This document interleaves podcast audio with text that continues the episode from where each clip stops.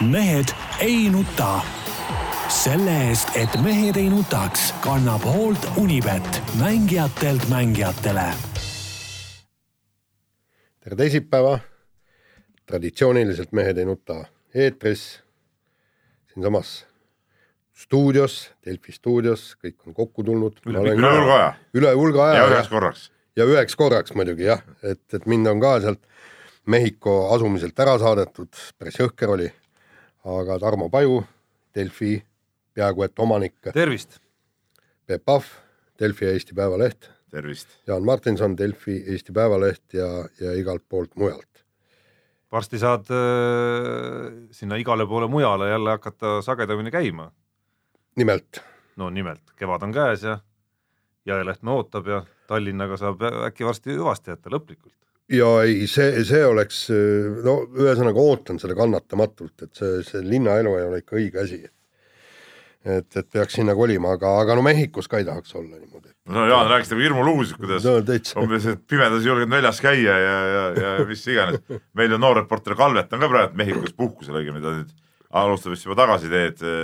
täna on teisipäev jah, täna või, või homme, aga ma ei tea, mis mõte just kohas puhkusel käia, kus siis nagu ei, no, julge nagu seal, istuda ega astuda. seal on, seal on turismistsoon ja seal on äh, hoopis asjad, äh, asjad teistmoodi, aga, aga, aga tont selle sõiduga, ma mõtlesin, et, et kui ma siia Eestisse tulen, et äh, mõtlesin, et nad sõidan siis lennujaamast Tallinna poole, et äkki näen kuskil, kuskil juba mustsärklased marsivad tõrvikutega ja, ja karjuvad seal teatud hüüdlauseid ja ei olnud midagi. Tallinn oli rahulik ja, ja ainukene, kus kohas möll käib, on siis äh, meedias ja kusjuures nii poliitikud kui ka Peep Pahvid ja kõik muud igasugused ajavad äh, rahvast nagu ärevile oma artiklitega.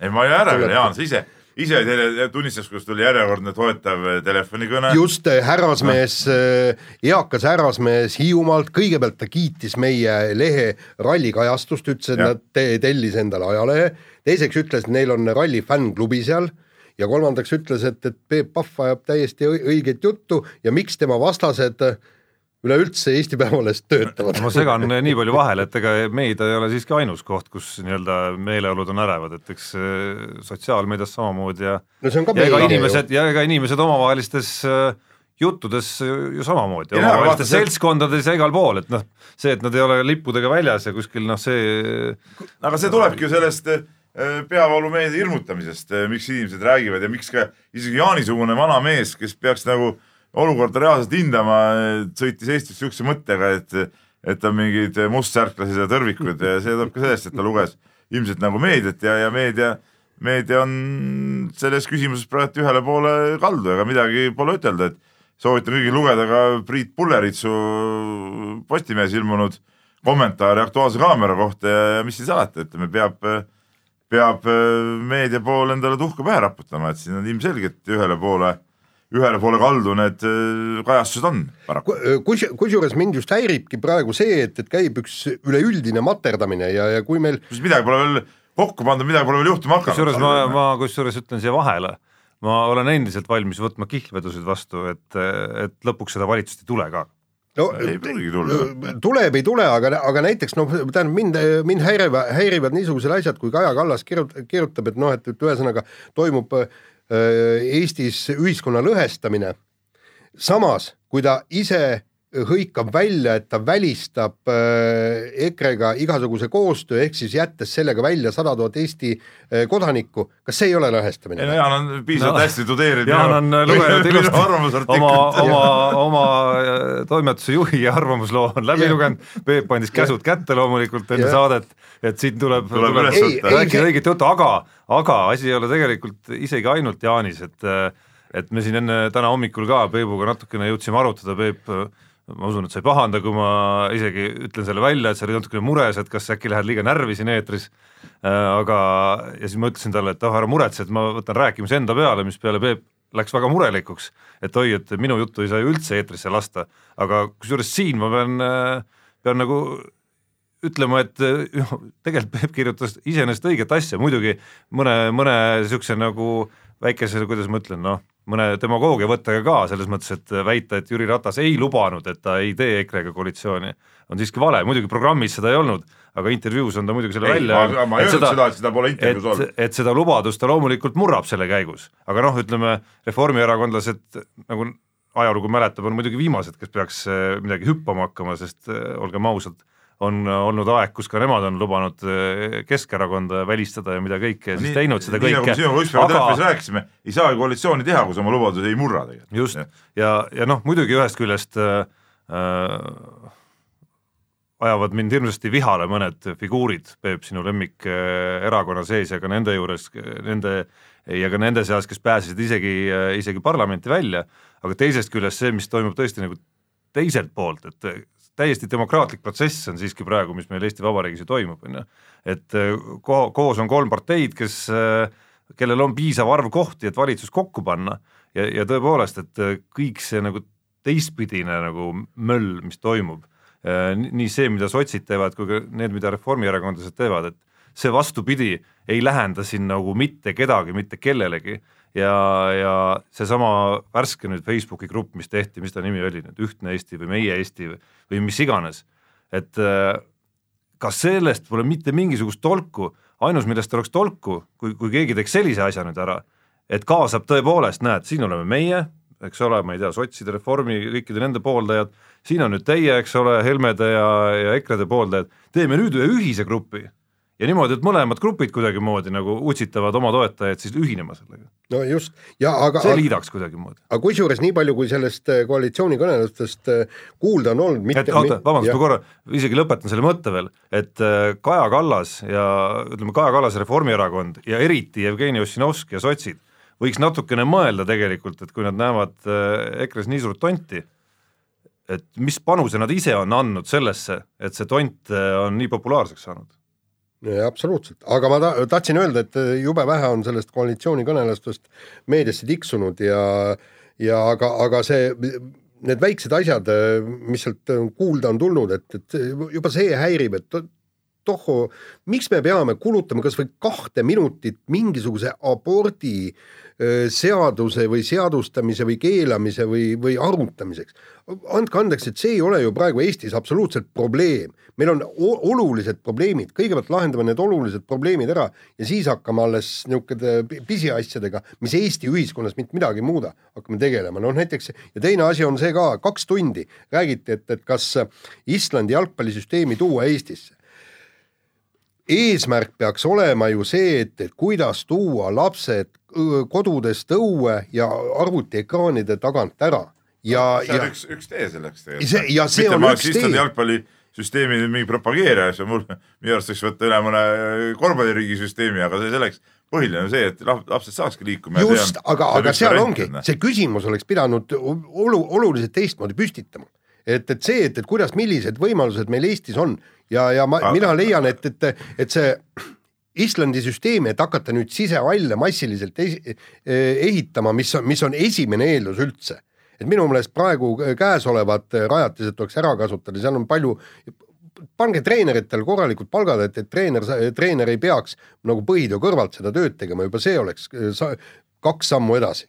aga, aga tegelikult eh, võib-olla selle poliitteema lõpetuseks eh, tänu sellele koalitsioonivärgina saanud ka päris palju nalja ja minu enda silmis muidugi üks, äh, üks Kreisi raadio likumaid äh, klippe ilmus, ma ei tea, kas see Reporteri klipp või kelle klipp see oli. ma nägin seda ka, Eesti Reporteri oma jah, Siim Kallase esituses loomulikult, et kes siis nagu helistas Helmele ja nagu uuris ja nagu siis ei uurinud ja, ja tegi, te olete näinud seda või? ütleme, ütleme, ütleme Siim Kallas esines seal nagu nagu Kreisi raadio klippide parimatel päevadel minu arust eh, tema näoilme ja see, see kõik see, kõik see olek, see oli nagu, nagu, nagu täielik, eh, no täielik nali, no ma näitasin ka kodus, kodus naisele ja, ja pojale seda ja, ja, ja ausalt öeldes ma mitu korda vaatasin seda ja ma sain, sain ikka väga hea tuju sellest, et noh, ütleme, et see, see, sihukest nalja nagu noh, poleks muidu näinudki, kui sihukest, sihukeseid koalitsioonikõnelusi nii käiks praegu jah, et no veel enda jutt korra kokku võtta, et ühest küljest võiks kuidagimoodi, kui saaks elimineerida, ütleme, Peep, sinu nii-öelda vaadete juurest selle nagu räuskava osa, on ju. noh, sellise nagu raju räuskava osa, siis, siis, siis nii-öelda konservatiivselt vaadates ei ole ju mitte midagi nagu halba, et ma tooks näiteks eeskujuks äh, kui oli see kooseluseaduse aegne möll, näiteks meie enda kolleeg Toivo Tänavsuu üks kirjutis, minu arust üks nagu suurepärasemaid kirjutis, nagu just nagu kirjutamistehniliselt ja vahet ei ole isegi nagu nii-öelda mis, mis vaatest, on ju, aga konkreetselt nagu nii-öelda siis antud juhul siis äh, selle seaduse, eks ole, vastu ja traditsioonide nagu kaitseks, ilma räuskamata.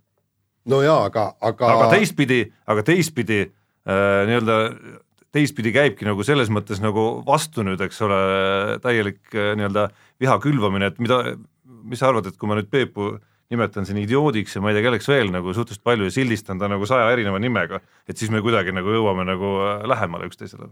no muidugi ei jõua. nii, kuule, räägime nüüd spordist ja Mehhikos õnnestus äh, natukene piiluda laskesuusatamise MM-i, aga öö, seda algust, aga, aga lõpp oli igal juhul äge ja, ja midagi pole öelda, et, et ma mõtlesin, et, et kui ma peaksin kirjutama artikli, mis olid äh, sellel Äh, talvel nii-öelda kuum Eesti poolt vaadates ja mis oli külm, siis kuuma eriti palju ei olnud, küll aga just see Eesti laskesuusanaiste edenemine ja Kelly Sildaru teine ja, ja kusjuures ma ei ole kindel, kumb, kumb on üldse ägedam, sellepärast et Kelly Sildaru sõidab täpselt oma tasemel, nagu ta eelmine aasta oli, aga, aga naised on ikkagi no ta tegi nagu ikkagi võimsa. Äh, päris arvestatav comeback, Jaan, raskest vigastusest sel hooajal. jaa, ma, sellepärast ma ei öelnud, et, et laskesuusatajad kindlasti eespool on, aga, aga tegelikult, tegelikult see kui me vaatame neid teatesõite, eks nii naiste kui meeste teatesõidud ja, ja algust pärast kahte esimest vahetust me oleme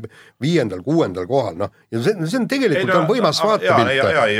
aga ma oponeerin nagu. no kohe. oponeeri palun, jah. nagu, nagu mitte ma ütleks, et laskesuusatamine jah, oligi äge ja ma ise, ise rääkisin sportlastega ka ja, ja ütlesin neile ka, et, et loomulikult, et siin nagu arengut on ja, ja kõik on nagu hästi, aga tegelikult teisalt, teistpidi jälle võttes aga mis see teatesisu saab peale teist vahetust, ükspuha mis mis, mis see maksab? ei, ei, see, see ei maksagi. lõpuks olid ikka kolmeteistkümnes ja viieteistkümnes, mis need kohad olid. tolku ei olnud mitte midagi, eks ole, tead. ei no ütleme, kohad olid oot-oot-oot. Peep. aga mingit äh, vahet ju ei ole, Jaan, tegelikult. vahe on. vahe on siis, kui sa oled esikümnesed, saad raha peale. see oli nagu põhipoint. jaa, aga, aga sa, punkt üks sul on olemas praegusel hetkel stardipositsioon, kuigi, kuigi ma ütlen, et see on Eesti igavene häda, meil ei ole nelja tipptasemel atleeti välja panna, meil on läbi aegade olnud ainult sõudmises, vehklemises, kus meil on tõesti neli väga head atleeti, kes kambaga suudavad võita medaleid. Äh, meil, meil on ka murdmaasuusatamises pole nelja kunagi olnud, alati oli kolm ja, ja siis neljas kukkus ära. et, et, et see, see on esiteks, see on stardipositsioon olemas. teiseks on ju see, et, et mäletad, kui meil oli aastate pikku, me lihtsalt ei jõudnud isegi naist, naiste laskesuusatamine ei jõudnud finišissegi. Aga nüüd me räägime juba see oli alles eelmisel hooajal. see oli ka e-, eelmisel hooajal. muidugi nad edasi läinud, selles ei ole üldse küsimus, aga küsimus selles, et et äh, mis see nagu tervikuna maksab, okei okay,, meil olid siin parimad kohad. kakskümmend, kakskümmend viis, kakskümmend kaheksa, nii, maailmapildis ei maksa need mitte maksavad? midagi. mitte midagi ei maksa, nii. nüüd on ainuke küsimus praegu selles, tüdrukud arenesid, et kuhu nad võivad veel edasi areneda. kas nendes on potentsiaali, Jaan, et nad jõuavad näiteks poodiumile? ja noh, seda tänase selles... seisuga nad ei jõua poodiumile, aga, aga ma ei kujuta, kas nendes on potentsiaali, et nad jõuaksid poodiumile no., näiteks, näiteks järgmisel olümpiaajaks no nagu sa nägid ise, Peep, laskesuusatamise MM-i viimaselt võistluselt siis äh, ala kui selline annab muidugi noh, võimaluse kas või kahekümnendal kerkida sobivate asjaolude kokkusattumisel poodiumile individuaalses mõttes. Äh, mis nüüd puudutab seda nagu nelja nii-öelda nagu tugeva sõitja või tugeva sportlase nagu olemasolu korraga, siis äh, ma isegi antud juhul laskesuusa naiste kohta ütleks, et ma ei välistaks seda võimalust, ma arvan, et on päris harukordne võimalus, et see nelik äh, ongi isegi tekkimas. isegi täitsa olemas. jah, on isegi ja. täitsa olemas, et, et seesama, esiteks tunnustan muidugi Indrek Tobrelutsu selle eest, et ta tegi MM-i eel ikkagi viimasel hetkel nii-öelda väikse plaanimuutuse ja ja Meril Peilmanni võttis koondisse Grete Kaimi asemel, et ilmselgelt noh, midagi ei ole parata, tundub, et seal see potentsiaal on ikkagi nagu suurem ja hoolimata sellest, et et Meril Peilmanni hooaeg on ju noh, sisuliselt läinud vigastuse nahka su, suutis ta nagu ikka väga hästi hakkama saada, et, et see on nüüd üsna üheealiste neidude ja minu arust tegelikult ka üsna sarnase potentsiaaliga neidude tiim, kes võiks nagu koos midagi ja kuhugi jõuda isegi, küsimus on loomulikult selles, et kus see, kus see piir nagu on. et äh, kui sa vaatad kas või võrdlusena Eveli Sauet, siis äh, Eveli Saue aasta-kaks nooremana jõudis siiski juba hooaja jooksul paar korda MK-sarjas ka esikümnesse, ehk siis nagu nii-öelda virtuaalses arengus on siiski kõikidest äh, selle neliku liikmetest ja ka Rene Sahknast ja Kalev Ermitsast ees. ja, ja ei no jaa, aga ütleme mis naiste... ei tähenda lõpuni ka mitte midagi ütleme, naiste värk ongi meil ju tegelikult eh, noh, siin ei midagi rääkida, seal on potentsiaali, vanus on selline, et kõik võib tulla, aga murekoht on meil nagu meeste tegelikult see laskesuusatamine. jaa, aga see mure on ka selles mõttes nagu nii ja naa, et kes on öelnud, et, eh, et meil peab tingimata olema neli sõitjat, piisab, kui meil üks Andrei Rastorgujevs oleks meeste seas. ei no ei piisa ju. ei no mille jaoks piisab?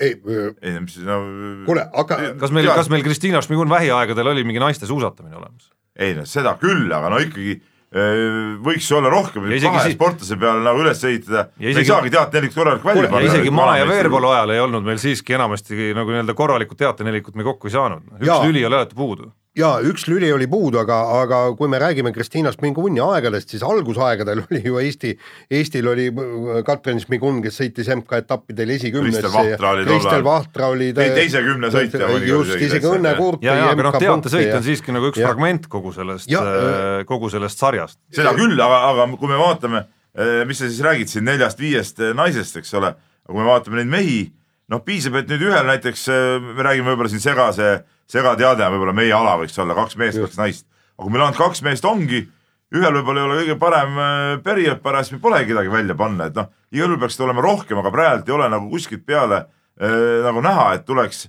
tuleks juurde nendele, et, et Tsahkna ja, ja Ermits on no,, aga mis edasi on? no vähemalt üks tulija paistab seal, üheksateistkümne aastane Kristo Siimer, kes siin just no, eelmisel nädalal no. juunioride MM-il sõitis no. või ta oli lahtine EM vist, kui täpne olla, sõitis ja. päris mitu korda esikümnesse et noh, midagi sealt loomulikult no, nagu paistab. Grete Kaim on ka juunioride maailmameister, ma tuletan sulle meelde, et see ei ja. ole veel mingisugune näitaja tegelikult. muide ja arvestage seda, et me räägime praegu olümpiamängudest ja kui äh, ainult meil on kaks äh, meeslaskesuusatajat välja panna, me ei pea olümpiamängudel ei pruugi seda kohtagi saada kahele sõitjale, juba rahvuste punktide pärast, juba see on oluline. kui meil ei ole nelja meest, eks ole, normaalselt me teame, et asju ei saa sõita, me saame lõpuks võib-olla ühe koha sinna, kui, kui sellegi saame mingite, nii nagu naistel oli ju eelmine no, eelmine olümpia, sama olukord tekkis. noh, hetkel väga seda ohtu veel vähemalt ei paista, aga.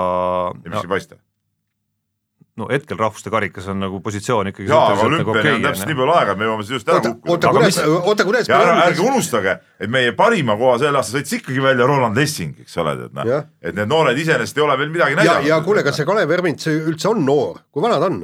ei no Ermits on, ta on seesama, sama põlvkond nagu need tüdrukud, kes Ahna ja ja, ja, ja, ja, ja teine asi on kakskümmend kuus, noh, enam-vähem sama ikkagi. jaa, aga, aga, aga ega temal seda arengut ju ka väga palju ei olnud, ma mäletan olümpial, kui ma, kui ma temaga rääkisin, kui ta ütles, et et ma ei mäleta, kas ta, et tema selge eesmärk on järgmistel tiitlivõistlustel või oli isegi eh, MK-etapil olla massstardis, esimeses massstardis. jaa, no no ei ole noh. no ütleme reaalselt. ja lähedalgi. ja ütleme reaalselt silmnähtava arengu tegijad sel hooajal, kui nüüd üles loetleda, on siiski esiteks Tuuli Toomingas teiseks Regina Oja, äh, Johanna Talihärma kohta noh, seda päriselt ikkagi nagu öelda ei saa. ei saa, äh, kui sa võtad MM-il kahekümnenda koha, mis on su karjääri parim tiitlivõistluse koht. no kaks kohta parem kui eelmine. kuidas sa saad öelda, et ei ole nagu no kaks kohta parem kui eelmine, et seda küll, aga kaks kohta on ka. et oleks pool aastat läks tal ikkagi veel õpingute juurde. jah, seda küll, et tema hooaeg oligi teistsugune. just, ja no tema hooaeg pole ka läbi veel iseenesest. kellelgi pole läbi. just, ja ütleme meeste poole peal Rene Sahkna kindlasti, kes tundub, et on sellest vahepealsest august saanud välja. jaa, aga ma ütlen, meeste MM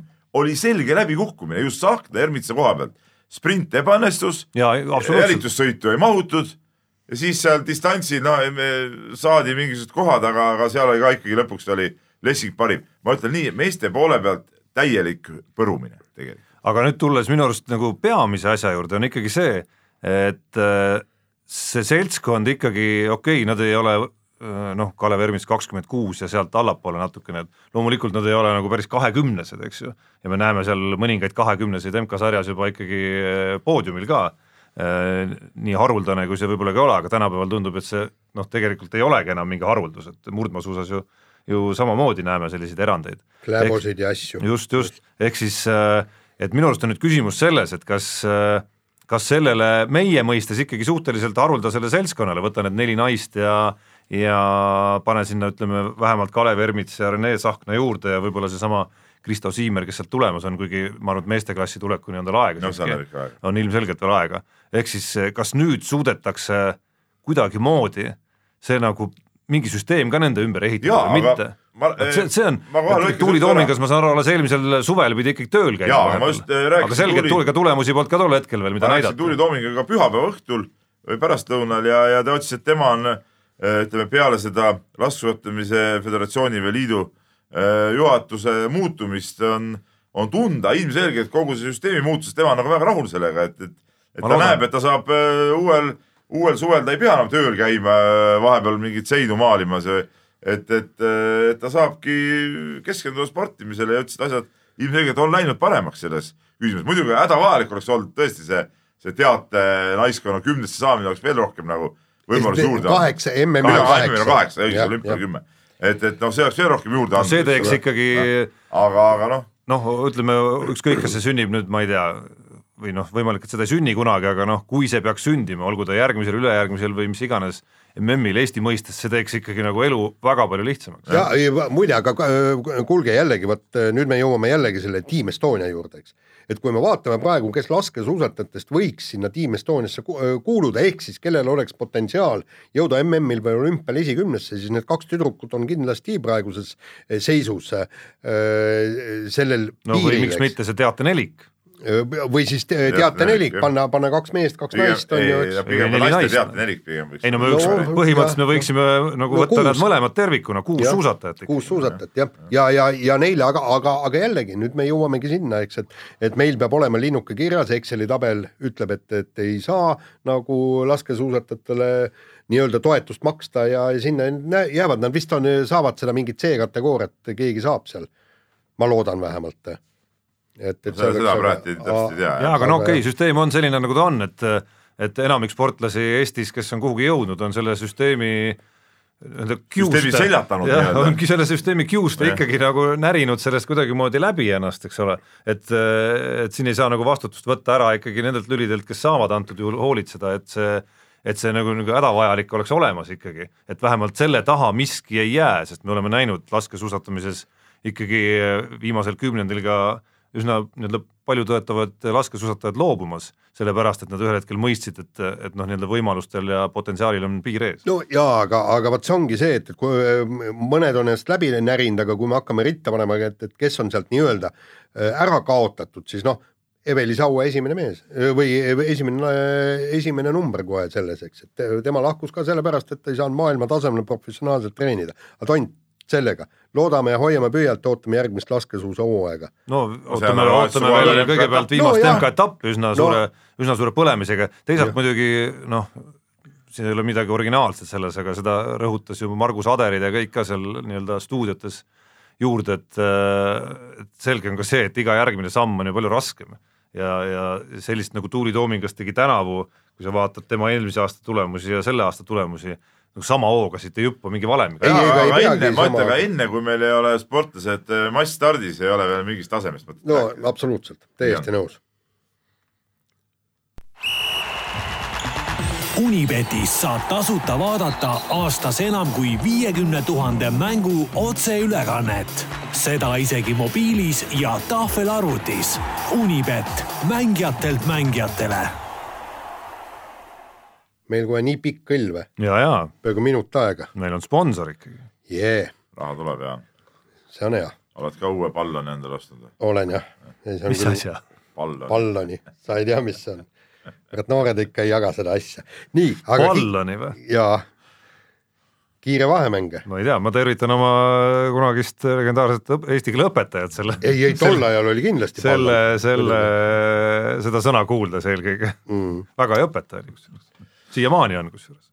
nii, aga lähme kiire vahemängu juurde ja alguses kohe, kohe me räägimegi nii-öelda noor, noortest, tänapäeva noortest ja tänapäeva noorte ja sellest nii-öelda uuest spordist, ehk siis Kelly Sildaru, meie tore freestyle suusataja, käis Keenias, pidas ÜRO kes-, Keskkonnaassamblee peoõhtul kõne, näitas Keenia lastele suuski ja käis kaelkirjakut paitamas.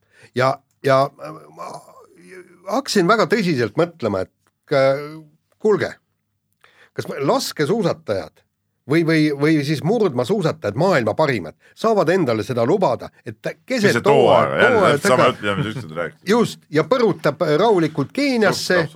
Ja, ja äh, nii, aga, aga teine, teine küsimus ongi, see ongi see nii-öelda tänapäeva äh,, tänapäeva noortesport, ehk siis see uus sport, et kus, kus sa ei peagi kogu aeg nühkima veri ninast välja, et see on fun teed nagu treeningpausid sisse, ei juhtu ka mitte midagi, eks, ja elu läheb edasi.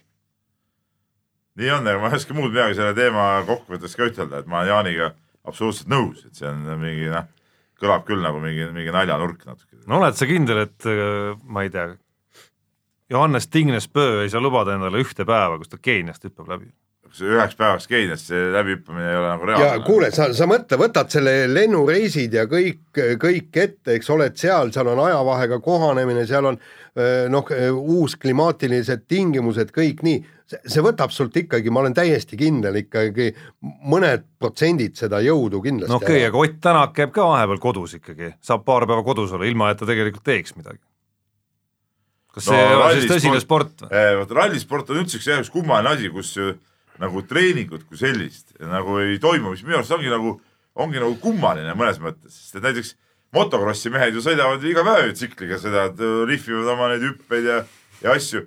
et noh, tegelikult oleks ju loogiline nagu rallimees ka vabal ajal äh, teeks nagu trenni, eks ole, ehk siis ta sõidaks, sõidaks mingeid kurve ja, ja asju ja niimoodi, aga noh, kuna see lihtsalt nagu esiteks punkt üks on nii kallis ja punkt kaks on mingite reeglitega, et see ei läheks nagu kõikide jaoks ebavõrdses olukorda tekiks, ongi see noh, piiratud asjad siis rallisport ongi nagu teistsugune. Peep, rääkisin ka Ott Tänakuga ju mingil ajahetkel just nendest ja ta ütleb, et oi, tead, et me saame ikka sõita küll.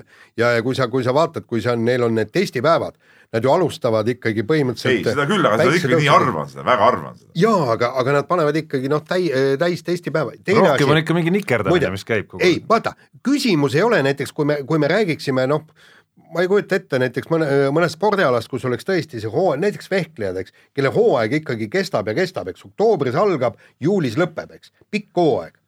et siis vahepeal kuhugi põigata, see ei ole probleem, eks. aga me räägime praegu ikkagi ja rallis on ju ka, rallis on ju põhimõtteliselt hooaegade vahelist aega ju ei olegi sisuliselt, aga, aga me räägime just praegu sellest suusahooajast, mis on nii pagana lühike, on ju, eks kas, kas ma mäletan mitte, kas ma ei mäleta mitte õigesti, et, et nii mõnelgi kellialal ju kas MK-etapid lõppesid juba kusagil aastavahetuse paiku ära, no natuke liialdades?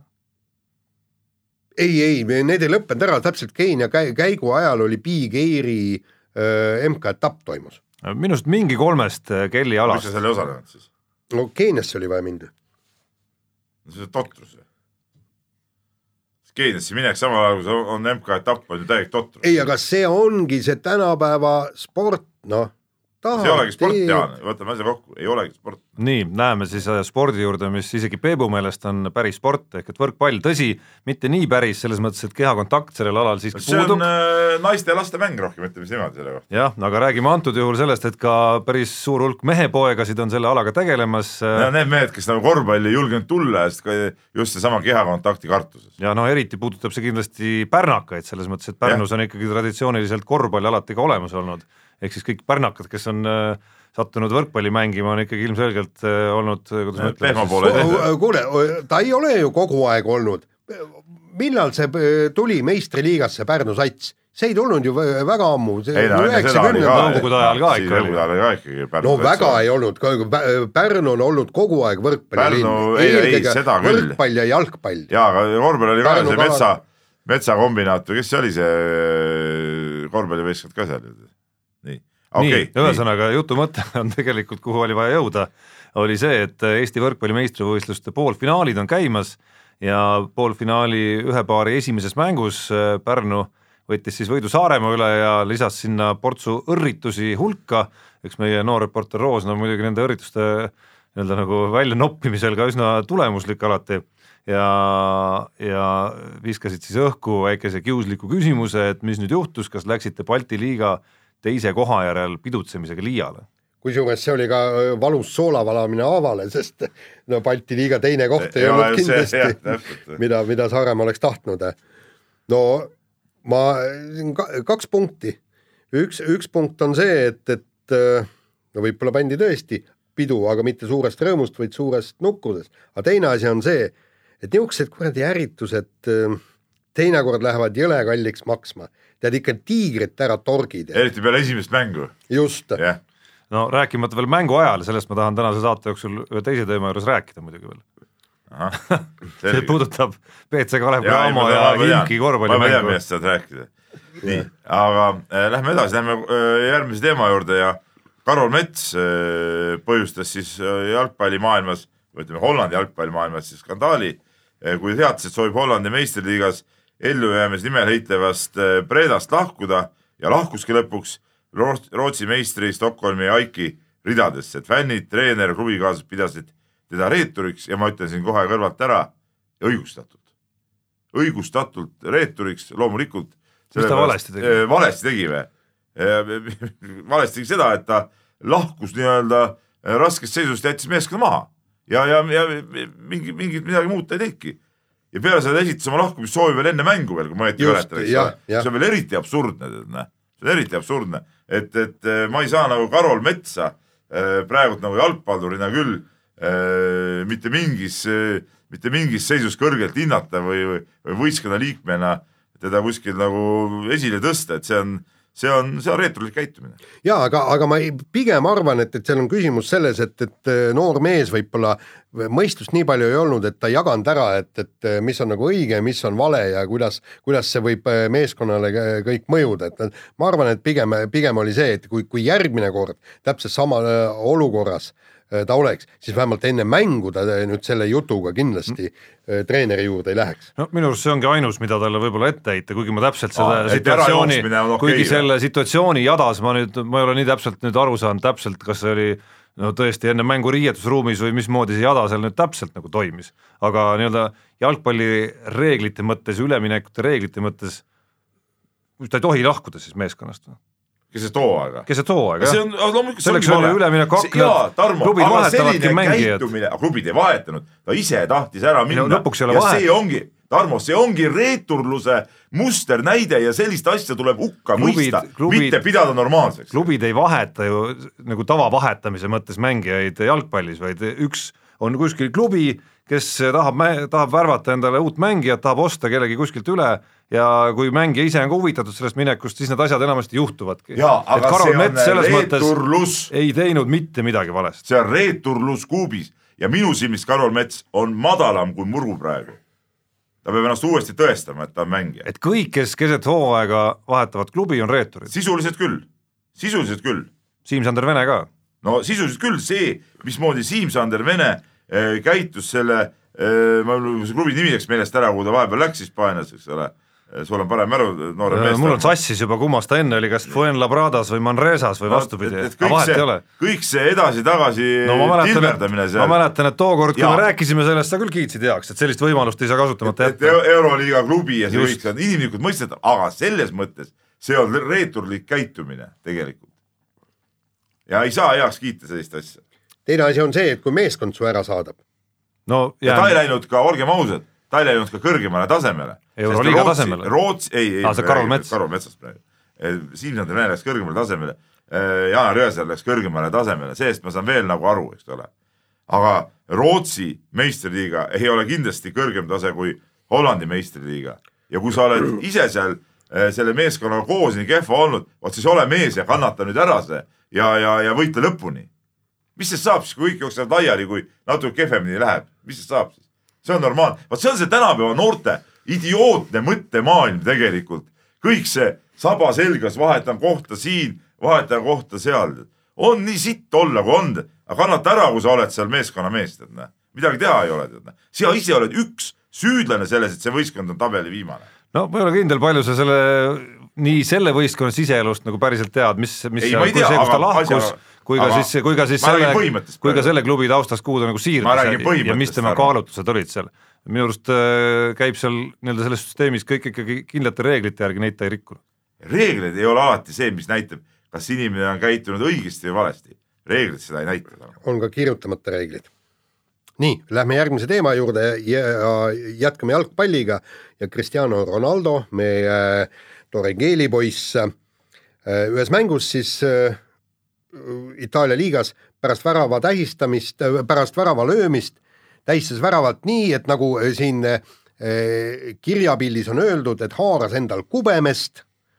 Ja, ja noh, põhimõtteliselt sellega viidates vastase treenerile üht-teist, et noh, nagu öelda, et et sama, samune nanõ on ju, eks. nii, ja, nii, ja, ja nüüd selgub, et ei, aga nüüd on asi selles, et niimoodi ei tohi teha ja, ja nüüd ähvardab äh, mängukeeld ja ta võib isegi väidetavalt meistrite liiga mängust äh, eemale jääda. aga äkki ta tundis mingit sügelust seal piirkonnas ja ma saan aru, et see peale väravi, peale värava viskamist, peale värava löömist tahtis teha sealt nagu sättida. ma olen aru saanud. või hakkas, hakkas mingi asi sealt kuskilt aluspüksi vahelt välja vonksama, oli vaja see sättida, me ei tea. ma olen kusjuures aru saanud, et äh, vähemalt on tähelepanu juhitud, et mehed enda teadmatagi täiesti nagu nii-öelda tegelevad selle kohendamisega rohkem võib-olla kui, kui peaks. ei, aga vaata, nüüd on jalgpalli, mina arvan, et jalgpallireeglitesse tuleks panna niisugused punktid, et kui sul sealt sügeleb eriti veel pärast. luba neid. ja ei, üks võimalus kohtuniku luba, teine asi, et keegi teine tuleb ja sügab sul pead väljakul nagu, nagu vigastuse puhul pead minema vaata üle väljaku väljakult välja. ja, ja siis arst sügab sind. siis panna nagu nendele jalkapükstele tead taskudes, paned käe nagu taskusse, siis läbi tasku nagu siis saad seal nagu toimetada. ei, aga see on, see on ju absurdne, no te. no ta on no. idiootsus, see näitab jälle jalgpalli, aga ta, Tarmo muidugi kiidab jälle heaks selle kindlasti, et, et noh õige värk, kahjuks võtab mehe maha. jube jama, ma ei ole näinud kahjuks seda. ma ei ole näinud aga rääkimist, aga rääkimist ei sega loomulikult. ei, ma lihtsalt tõin välja teoreetilised põhjused, miks ta võis seda kohta nagu katsuda. ja no ma ja. lugesin siin, et ma saan aru, et et Madridi Atletico peatreener Diego Simeone oli, oli esmalt eelmise mängu järel millegi sarnasega nii-öelda eeskuju andnud yeah. Ronaldole siiski, et sellel oli mingisugune sügavam nagu tagapõhi, et, et noh, ma ei tea.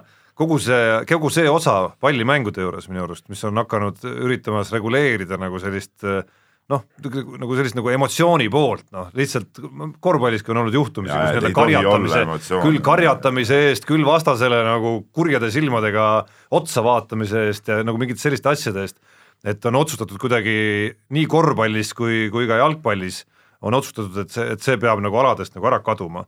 See noh, loomulikult igasugune nagu füüsiline mingisugune vägivald ja kõik asi, sellest ma saan aru ja mingi, mingi muu nilbus, aga noh, aga üleüldiselt nagu suunana tundub see mulle jabur siiski. nii, äh, kiire vahemängu lõpetuseks äh, peame kiitma Peep Pahvi loomulikult, sest äh, oma treenerikarjääris on ta, mis ta on, umbes kolmes mängus. ei siiski, ühe Eiblio ja viisteist mängu. viisteist mängu saanud olla ka selle meie noore sporditalendi treener ja juhendaja, ehk siis kaheksateistkümne aastane Henri Trell, kellest oleme siin hooaja jooksul rääkinud varemgi, tegi siis eile õhtul oma debüüdi lõpuks ära ka Saksamaa kõrgliigas Bambergi esindusmeeskonna särgis, kolmteist minutit oli väljakul. kaks punkti.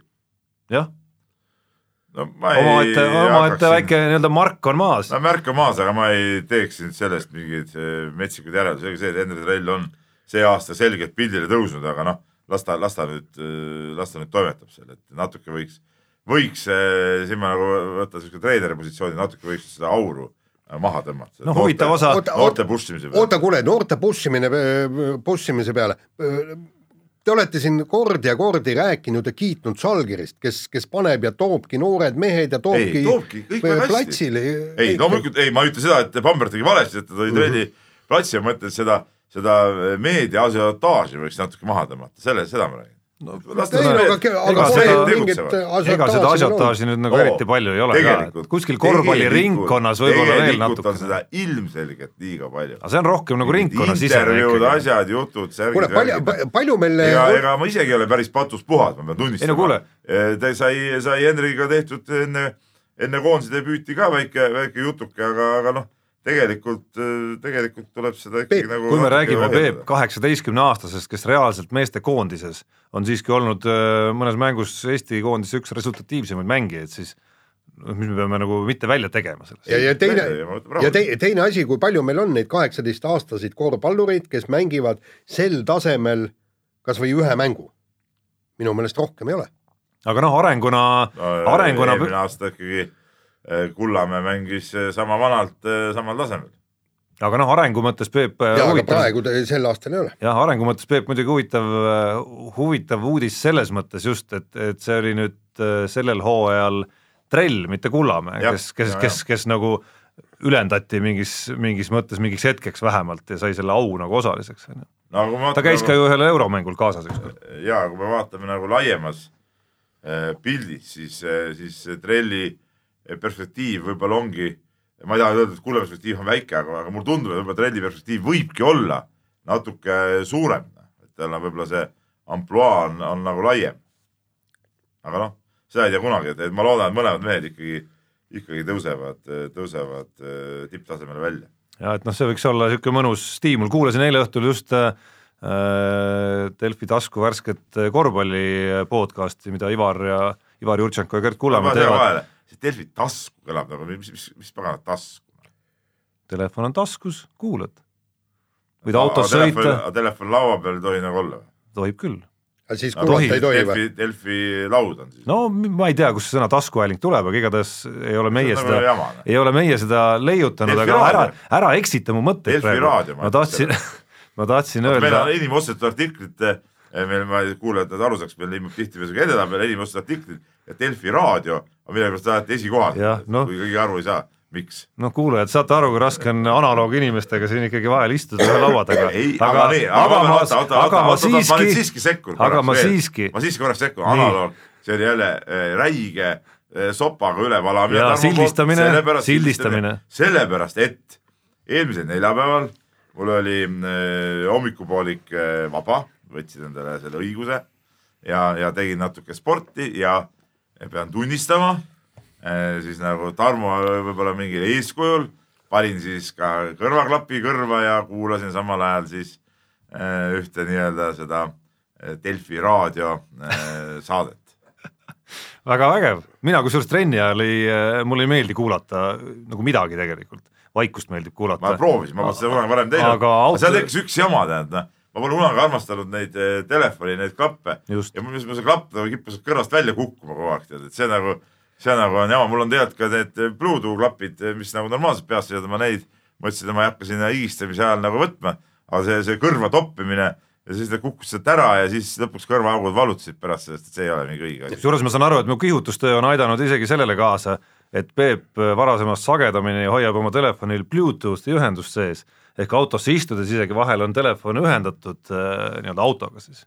vastab no, tõele? no ei no Bluetooth jah, ma olen nüüd ja mõnikord läheb nagu ise sisse, ma ei tea, miks ta ise sisse läheb. muide, äh, siinkohal teie jutu peale ma tahaks tänada Eesti Rahvusringhäälingut, kes äh, väga paljud saated ja intervjuud, mis on teles, äh, teles olemas, transkripteerib ehk siis tavalisse kirja, et, et, et saaks nagu neid lugeda ja põhjus, nagu ma Tarmole selgitasin, oli mingisugune intervjuu, oli kolmkümmend kaks minutit oli ja, loomulikult ma seda kuulama ei hakanud ja ma, minu selgitus oli see, kolmkümmend kaks minutit intervjuud on umbes kümme tuhat tähemärki. noh, nii palju, kui, kui me teeme, mis tähendab neli raamatu lehekülge. ühe lehekülje ma loen ühe minutiga läbi.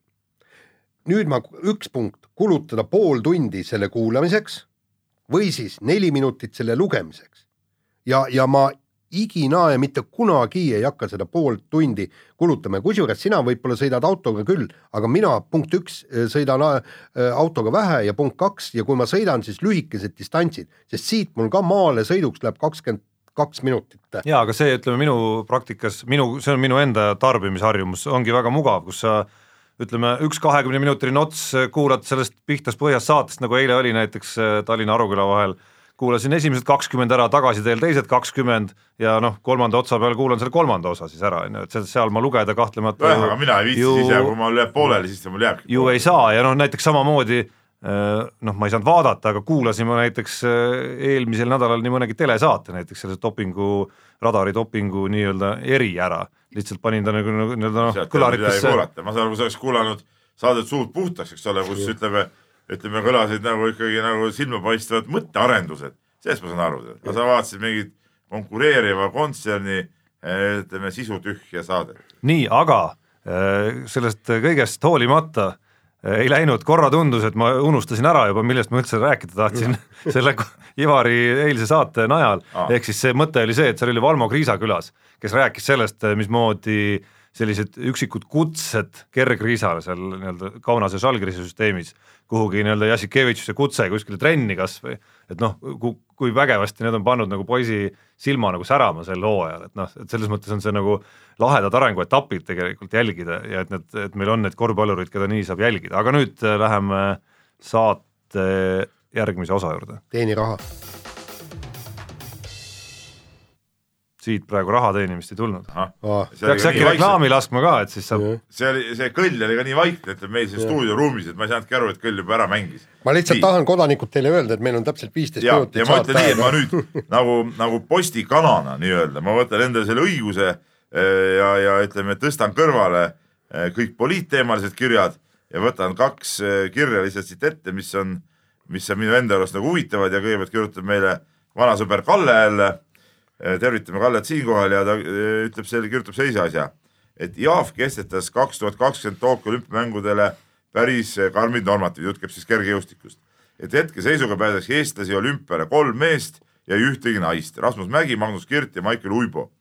et, et, et kas, kas võiks Eesti sportlastest veel keegi üldse olümpiale pääseda ja toob siin ära ka, ka need kergejõustiku normatiivid ja need tõepoolest, ütleme, need, need levelid on päris päris rajud, kui näiteks meeste odaviskas kaheksakümmend viis meetrit, naiste odaviskas kuuskümmend neli, võtame siin kettaheites meestel kuuskümmend kuus, no kus meil siin veel on kaugushüpe näiteks, võtame, Xenia Balta peaks hüppama kuus kaheksakümmend kaks vähemalt, kümnevõistlus, kümnevõistlus kaheksa tuhat kolmsada viiskümmend ja, ja seitsmevõistlus kuus tuhat nelisada kakskümmend, noh, ütleme Eestis ei ole, pole keegi lähedalegi saanud sinna et, et äh, maratonijooksus meestel kaks üksteist kolmkümmend, noh ka ikkagi, ikkagi korralik aeg, äh, sada meetrit kümme null viis, noh, ütleme siin ei ole nagu, et selles suhtes, äh, et tõepoolest, ega siin ei ole, ei ole, ei ole midagi, midagi meil väga palju tulemas juurde sinna no.. aga no siin tekib muidugi see moment, et,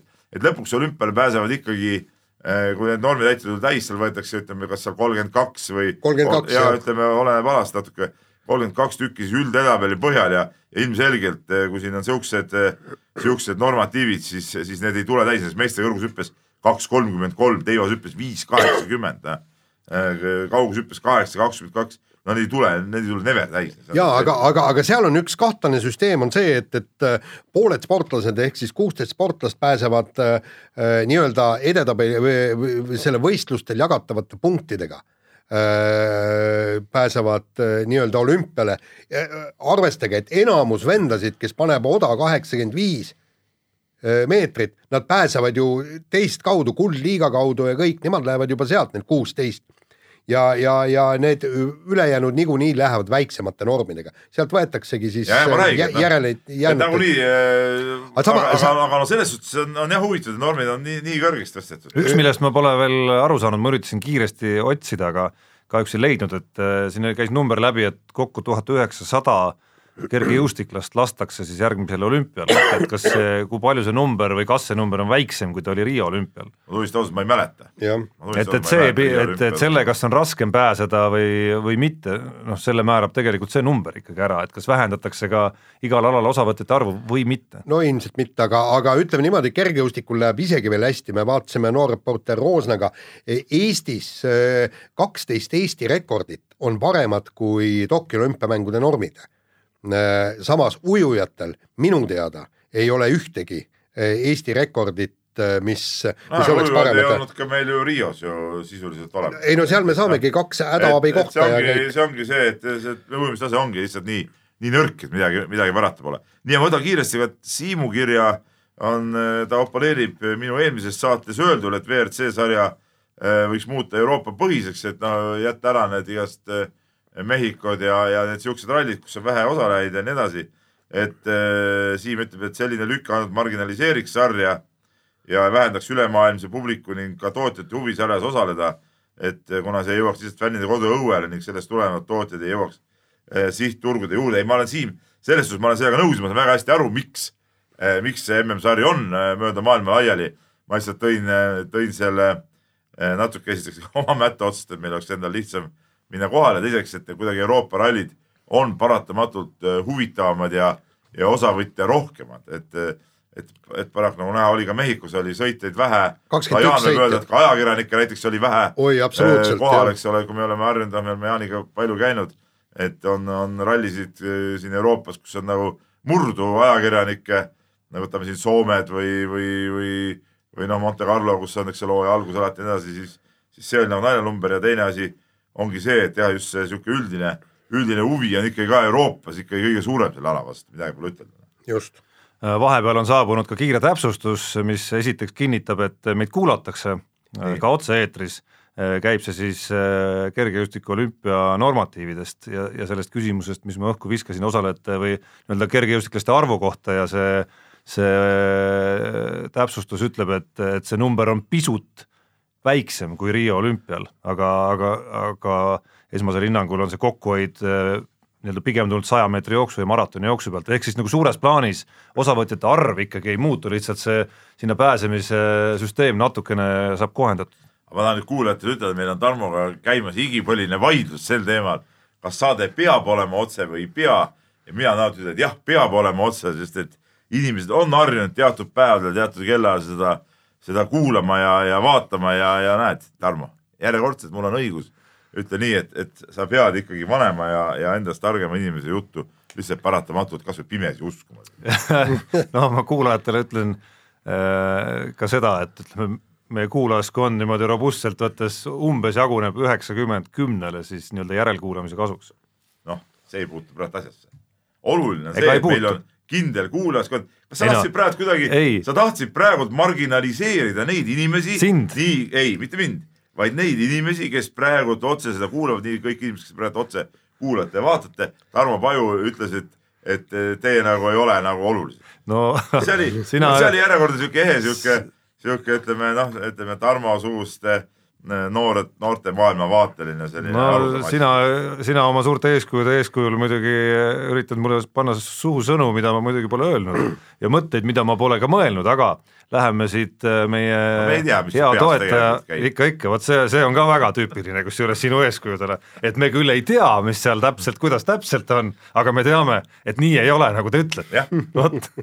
Nii on. nii, tahad kõlli lasta või? Äh, ei, kõlli pole hetkel vaja isegi ehk ah, siis sama. Äh, meie Unibeti ennustusmäng Aha, äh, läks eelmisel nädalal nii, et äh, meie Unibeti eri, eripanus, mis oli leheküljel üleval äh,, kõlas siis selliselt, et äh, kas Aleksei Šved, BC Himki suur staar, viskab Kalev Cramo vastu VTB liiga mängus rohkem või vähem kui kakskümmend neli koma viis punkti, viskas kakskümmend. mina panin vähem. ma panin ka vähem.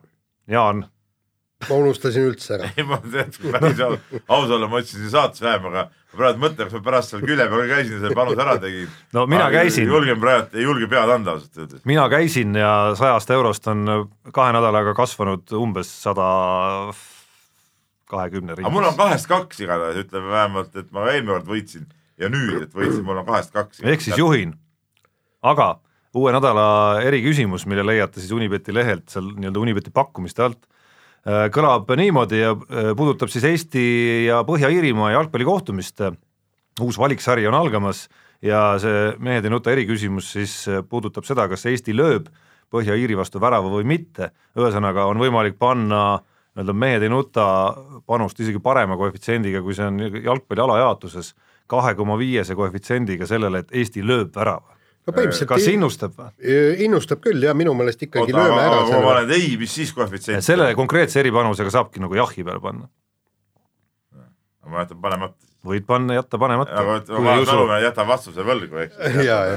jätan vahele selle asja et väravat sealt ei tule, see on nagu selge. aga no jalgpalli juurde me veel jõuame. jõuame, kui ja, jõuame. kui jõuame, sellepärast et meil on praegu aega kuus, kuus minutit, nii. meil ei ole mingit piirangut, me võime no, rääkida siin kella üheni ka. no jaa, aga töö vajab tegemist, on ju, eks, et leht vajab täitmist. nii. hea leht, hea leht täidab ennast ise. hea leht täidab ennast ise. jaa, aga Tarmo, kui ütleme lehe tegemisest juba kaugeks jäänud, ütleme nagu eh, digitaal portaali eh, tegelane, tema ei tea lehe tegemisest mitte midagi. aga muide, ta ei mäletagi, nagu ma aru saan. ta ei mäletagi enam, et mis asi see lehetöö üldse on. kuule, aga, aga tead, ma olen viimasel. minu arust sa sildistad, Peep, mind praegu. ei sildista. ja, ja külvad nagu vaenu isegi. kuule, kuule. leht, leht on alati elitaarsus, see on selge. ja veeb, see on noh, ütleme veebi, seda võib igaüks teha, aga Mhm, leht on elitaar. Peep, kuule ma olen viimasel ajal vaadanud ja mitte ainult meie, vaid paljudes portaalides on olnud niimoodi, et äh, pannakse üles mingisugune uudis, eks. noh, klikad sellele, vaatad, loed läbi ja all on nii, esmakordselt avaldati mingi kahe, kaheteistkümnes veebruar kaks tuhat kaheksateist. et ühesõnaga selleks, et veebi täita, see, see, see pole eriti aga me ei saa kunagi panna lehte, et, et paneme mingi küljes artikli ja siis kirjutame alla, et, et esimest korda avaldati kolm aastat tagasi näiteks. juba ilmunud fotosid näen ma küll lehes pidevalt. fotosid, foto fotoks, noh, foto on lihtsalt nagu ruumitäide. tekst tuleb puudu. ei tea, kas ikka on. kas sa nüüd sa tahad, ma saan aru veel, halvustad veel ka fotograafe ka veel Ei, no ma ei ja halvusta üritad siin nagu vaenu külvata. see on lihtsalt nagu, et noh, nendel ka oleks hea meel, siis paneme pildi ka lehte. nii, kuulge, kütame nüüd äh, saatega edasi, dopingaskandaal on kuidagi vaikseks summunud ja, ja, ja, ja oot-oot-oot, Peep, ära vehi ma tean, et üks, üks asi, mis mind nagu kipitab selle teema juures, midagi muud polegi olnud. et siin dopingut midagi pole toimunud, see on selge ja uurimine käib, ei saagi midagi tulla. aga see, ma ei, ma nüüd ütlen meelega välja, mis ma arvan, idioodikamp, kolmkümmend kolm inimest, kes kirjutas selle mingisuguse kuradi kirja. kuule, viimanegi aruraas on nagu, nagu peast välja põrunud või? põhimõtteliselt see kamp inimesi, kes nimetab ennast äh, suusaspordi lähedasteks ja, ja, ja ma ei tea, mis, mis inimesteks, põhimõtteliselt kiitsite heaks, kiidate heaks dopingu eh, tarvitamist, keelatud võtete kasutamist eh, ja nii edasi. no see on ju, see on käsitlematu, et, et kus eh, üks inimene mulle ütles, et noh, et eh, ma ei ütle inimest praegu nime välja ütlema, ütles, et no see kiri oli Mati Alaver enda kirjutatud et, et no mul jääbki selline mulje tõesti, et, et kas see, kas teid kuidagi nagu tinistati ära või, või kust, no kust tuli selline mõte panna enda käsi alla sellisele kirjale, no see on, see on, see on Eesti eh, spordiajaloo üks häbiväärsemaid eh, üllitisi. jah, minu meelest oli väga hea võrdlus, et kuna nii palju mul meelde jäi, et kuna Marita Koch jooksis fenomenaalse maailmarekordi ja Sa- Saksa oli dopingusüsteemis, siis on täiesti normaalne, et praegused Eesti suusatajad pilli panevad. see oli nagu selle kirja kokkuvõte. no eks selle jätkuna võib ju, võib ju sujuvalt edasi liikuda, noh, ütleme nädala jooksul olgem ausad, on mingeid nii-öelda arvajaid ja mingeid nii-öelda oletajaid ja kommenteerijaid, aga, aga ühtegi uut fakti me teada saanud ju sisuliselt ei ole. aga tulles sellesama Radari saate juurde, millele ma muidugi tahaks tahaks äh, ette heita noh, vähemalt, vähemalt seda, et, et ma ei ole kindel, et nagu Paavo Raudsepa peale peaks seda nagu üles ehitama, et see nägi et see nägi totter välja, eriti muidugi see, kuidas ta joonistas siis äh, graafiku sellest, kui kehv treener on Mati Alaver, nagu treeneri oskuste poolest eelkõige siis. siinkohal me tervitame Paavo Raudsepa oma endist, nagu oma endist jäähokimeeskonna ja no ma olen ostnud temalt ka näiteks puid. Ja ja mina ka, et senini ostad. ja tegelikult ja, ja, ja Pa- Just. Paavo on tead nagu tore mees, aga ütleme noh, ei no ega ta midagi valesti võib-olla ei öelnud. ei ta tegelikult ei Aga- öelnudki aga- valesti, aga aga tippsportlased nagu kahtlemata ju tegelikult jõuavadki mingil hetkel selle faasini, kus nad Jah. ju ütleme noh, kus, kus selgub, kas nad on valmis no nagu nii-öelda nagu päris koormuste talumisele või mitte. kuule, tegelikult see mõte, et kas äh, tõesti kahtluse alla panna äh, Mati Alaveri treeneri oskused, kuulge, tal on kaks medalivõitjat, Veerpalu, Mae. ma tean äh, mitmeid tema õpilasi, kes on südameprobleemidega tõesti suusatamisega lõpparve teinud, eks. Poltoranin, kes tema käe alla läks medalimehena, kaks pronksi maailmameistrivõistlustelt kaks tuhat kolmteist, siiamaani pole ühtegi medalit ja palun öelge nüüd, kas ta, kas Mati Alaver on hea treener või ei ole eh, hea treener, kui panna mm, võrdlusse, kui palju tal on olnud õpilasi ja veel kord, minu meelest kõige tipp on Poltoranin. kui enne eh, eh, treeningutele asumist Mati Alaveriga võidab medaleid ja pärast seda nelja aasta jooksul null.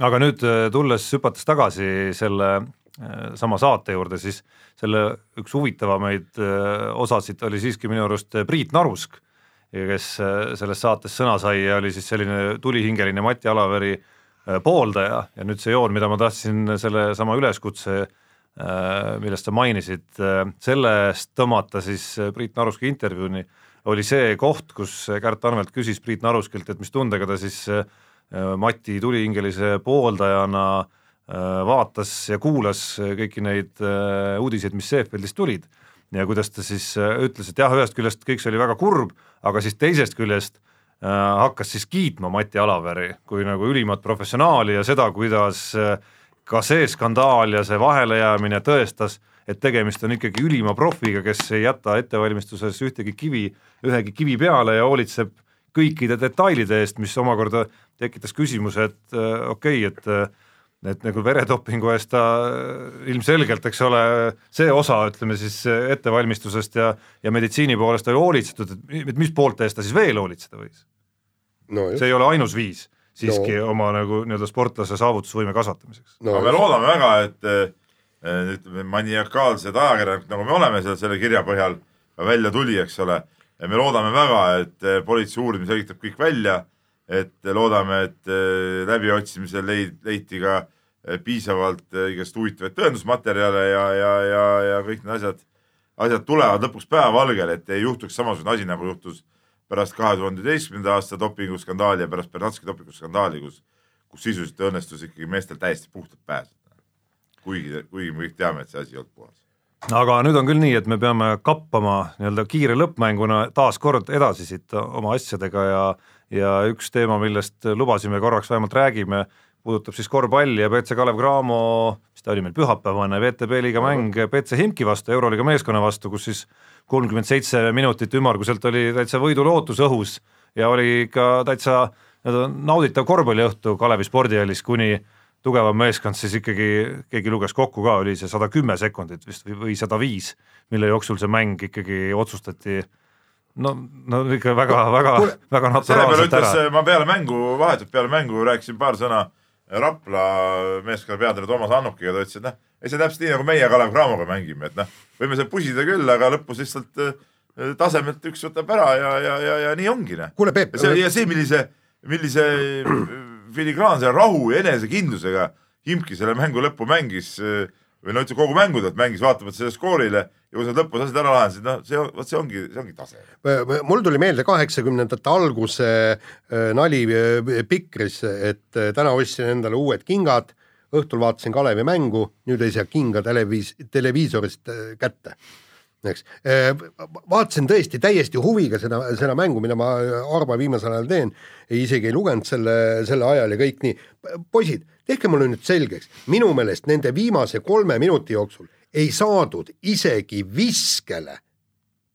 ei saadud isegi seisult kaheksakümmend neli, kaheksakümmend neli, me saime ainult ühe punkti, eks ju, nii ja, ja, tähendab, mis on mida teeb seesama Himki siis nii suurepäraselt, et meie viskame, söödame lihtsalt out'i selle palli, nagu seal neegrpoisid sealt tagant, tagant mitu korda tegid või mis on, mis on imki panus, et, et, et söödud ei jõua kohale, vabandage no, väga. Enesekindlalt seisavad välja. ei olnud ju üldse, Jaan, äh, isegi küsimus ei puudutanud ainult musta nahavärviga mängijaid, et no seal, seal algas, olgem ausad, Kristjan Kanguri, antud juhul õnnetul kombel Kristjan Kanguri väljakule tulekust see, see seeria tegelikult ja tema astus seal out'i vist. out'i astus, mida ei tohiks sellel tasemel sellisel hetkel. ja siis veel veast ka, kus, mis vilistati ebasportlikuks, mis uute reeglite järgi kaht-, kahjuks seda ja on ka. oli, jah ja.. aga ütleme, see detail, mis mulle jäi ikkagi kõige rohkem hinge peale selles mängus, mis oli tegelikult äge korvpalliõhtu Kalevi spordihallis ja ja tõesti isegi mingil hetkel hakati kaasa elama täitsa ja. korralikult juba vanade aegade moodi. Ja puupüsti oli saal täis ja kohtagi oli raske leida seal. et äh, oli see hetk, et ühest küljest äh, Kalevi kaks äh, tolle mängu liidrit, need olid siis Multru ja Vrouten olid küll äh, noh, panid küll ägeda mängu personaalses mõttes, on ju, selge, üks neist läks äh, mingil hetkel ka nagu mänguliselt, keeras muidugi selle peale noh, üsna ära, arvas, et kõik rünnakud peavadki nagu tema osalusel lõppema, aga mis mind nagu, mis mul oli kõige rohkem hinge, mida ma mängu ajal ütlesin ka kõrval oma, oma pojale, et vaata, et see, see mäng kaotatakse nagu täiesti kindlalt, oli see hetk, kus need mõlemad mehed hakkasid siis mingeid nägusid tegema Himki pingi poole, mingeid muskleid näitama seal iga õnnestumise järel, kuigi seis oli enam-vähem nagu noh, niisugune nagu pluss viis, miinus viis kuskil on ju, kõik need asjad peaaegu lõpevad tavaliselt kaotusega ja nii läkski loomulikult, et ma, mida nad keksisid seal, jääb mulle segaseks no.. aga mul on hea meel äh, selle üle, et et Jaani Nane saab televiisorit kodus edasi vaadata, kuna Jaan Kingi kunagi ei kanna, siis ta viskas ilmselt see teleka tuhvliga, ma arvan, et on tuhvlid.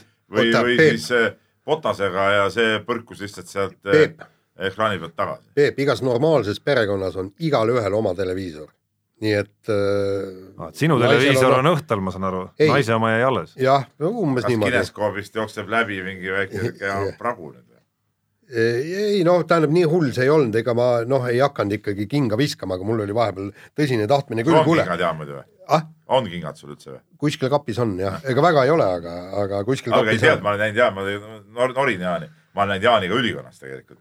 ma mäletan seda nutulaulu, kui Jaani abikaasa käskis Jaanile osta uue ülikonna ja siis me läksime ühele üritusele, sul oli see ülikond ka seljas, siis sa, siis sa nurisesid tükk aega, et pidid ostma mingisuguse ülikonna ja siis aga ma olen kaks korda seda selga pannud nüüd viimase kahe poole aasta jooksul ja mõlemad on sun sunnitud olukorrad. nii, aga nüüd lähme võtame kiiresti viimase osa, vahepeal kõlli ka ei lase ja äh, jalgpallikoondis alustab EM-valiksarja Põhja-Iirimaa vastu ja ja no juba need lood hakkavad tulema, et, et Iirimaa on niivõrd kõvaks läinud äh, võrreldes viimase korraga, kui Eesti neid tuuseldas ta-ta-ta. ongi kusjuures. kusjuures on kõvaks ja Põhja-Iirimaa ütles ka vist, et et Eesti on üks kergemaid vastaseid nende jaoks selles grupis. ja pluss Valgevene, eks. nii, aga, aga minu meelest ikkagi tähendab, ühesõnaga, kui me tahame natukenegi väärikad öö, omalt poolt olla, siis me peaksime ikkagi vaatamata sellele, et meil on Saksamaa ja Holland on ka seal satsis öö, veel alagrupis sees, ikkagi võtma eesmärgiks pääseda kahe hulka ja edasi peaks küll jah, aga eesmärk peab alati olema kõrge. no, peab täpselt. alati olema ja, ja tegelikult noh, ma ei, ma ei heidaks küll kopikust ette, kui minnaks, mindaks sellise bravuuriga peale ja, ja iga vastase puhul, aga aga kas meil praegu on seda reaalset sisu meeskonnas nüüd nii palju või ei ole, selles on küsimus ikkagi. no jalgpall on ütleme viimane aasta iseenesest on nagu trendi mõttes olnud ju natukene positiivsem ikkagi kui see vahepealne, et mingeid väravaid on suudetud hakata nagu lööma ikkagi, aga kas see nagu areng nüüd nii suur on olnud, uut verd nüüd koondisse, ütleme kuskil klubi tasemel nagu nii-öelda nagu Euroopas tugevate klubide tasemel väga hästi mängivate mängijate nagu uut lisandumist koondisse nüüd ei ole ikkagi aasta jooksul väga palju toimunud. see on üks asi, teine asi on see, et need ütleme eelmise selle, kuidas ma ütlen siis koondise hooaja eh, paremad mängud ja võidud ja, ja asjad eh, on tulnud ikkagi olukorras, kus midagi kaalul ei ole. ütleme, ütleme nendes mängudes, kus midagi on olnud kaalul, ei ole suudetud tegelikult seda mingit positiivset resultaati saada, et see ongi nagu küsimus, et kuidas kuidas nüüd hakatakse minema, et, et loomulikult oleks, oleks nagu suurepärane, kui suudetakse valiksarja alustada, noh, võõrsil ma ütlen, me peame sinna võitma minema, see nagu noh, on nagu raske, aga kui suudetakse mingi viik välja triikida nii-öelda, siis, siis see oleks ka jumala, jumala okei resultaat. no igal juhul mehed, andke takka ja, ja proovige see Põhja-Iirimaa ära võita, ei ole see nii kõva sats midagi. nii, lase nüüd lõpukõll ja lähme koju. mehed ei nuta saate tõi sinuni Unibet, mängijatelt mängijatele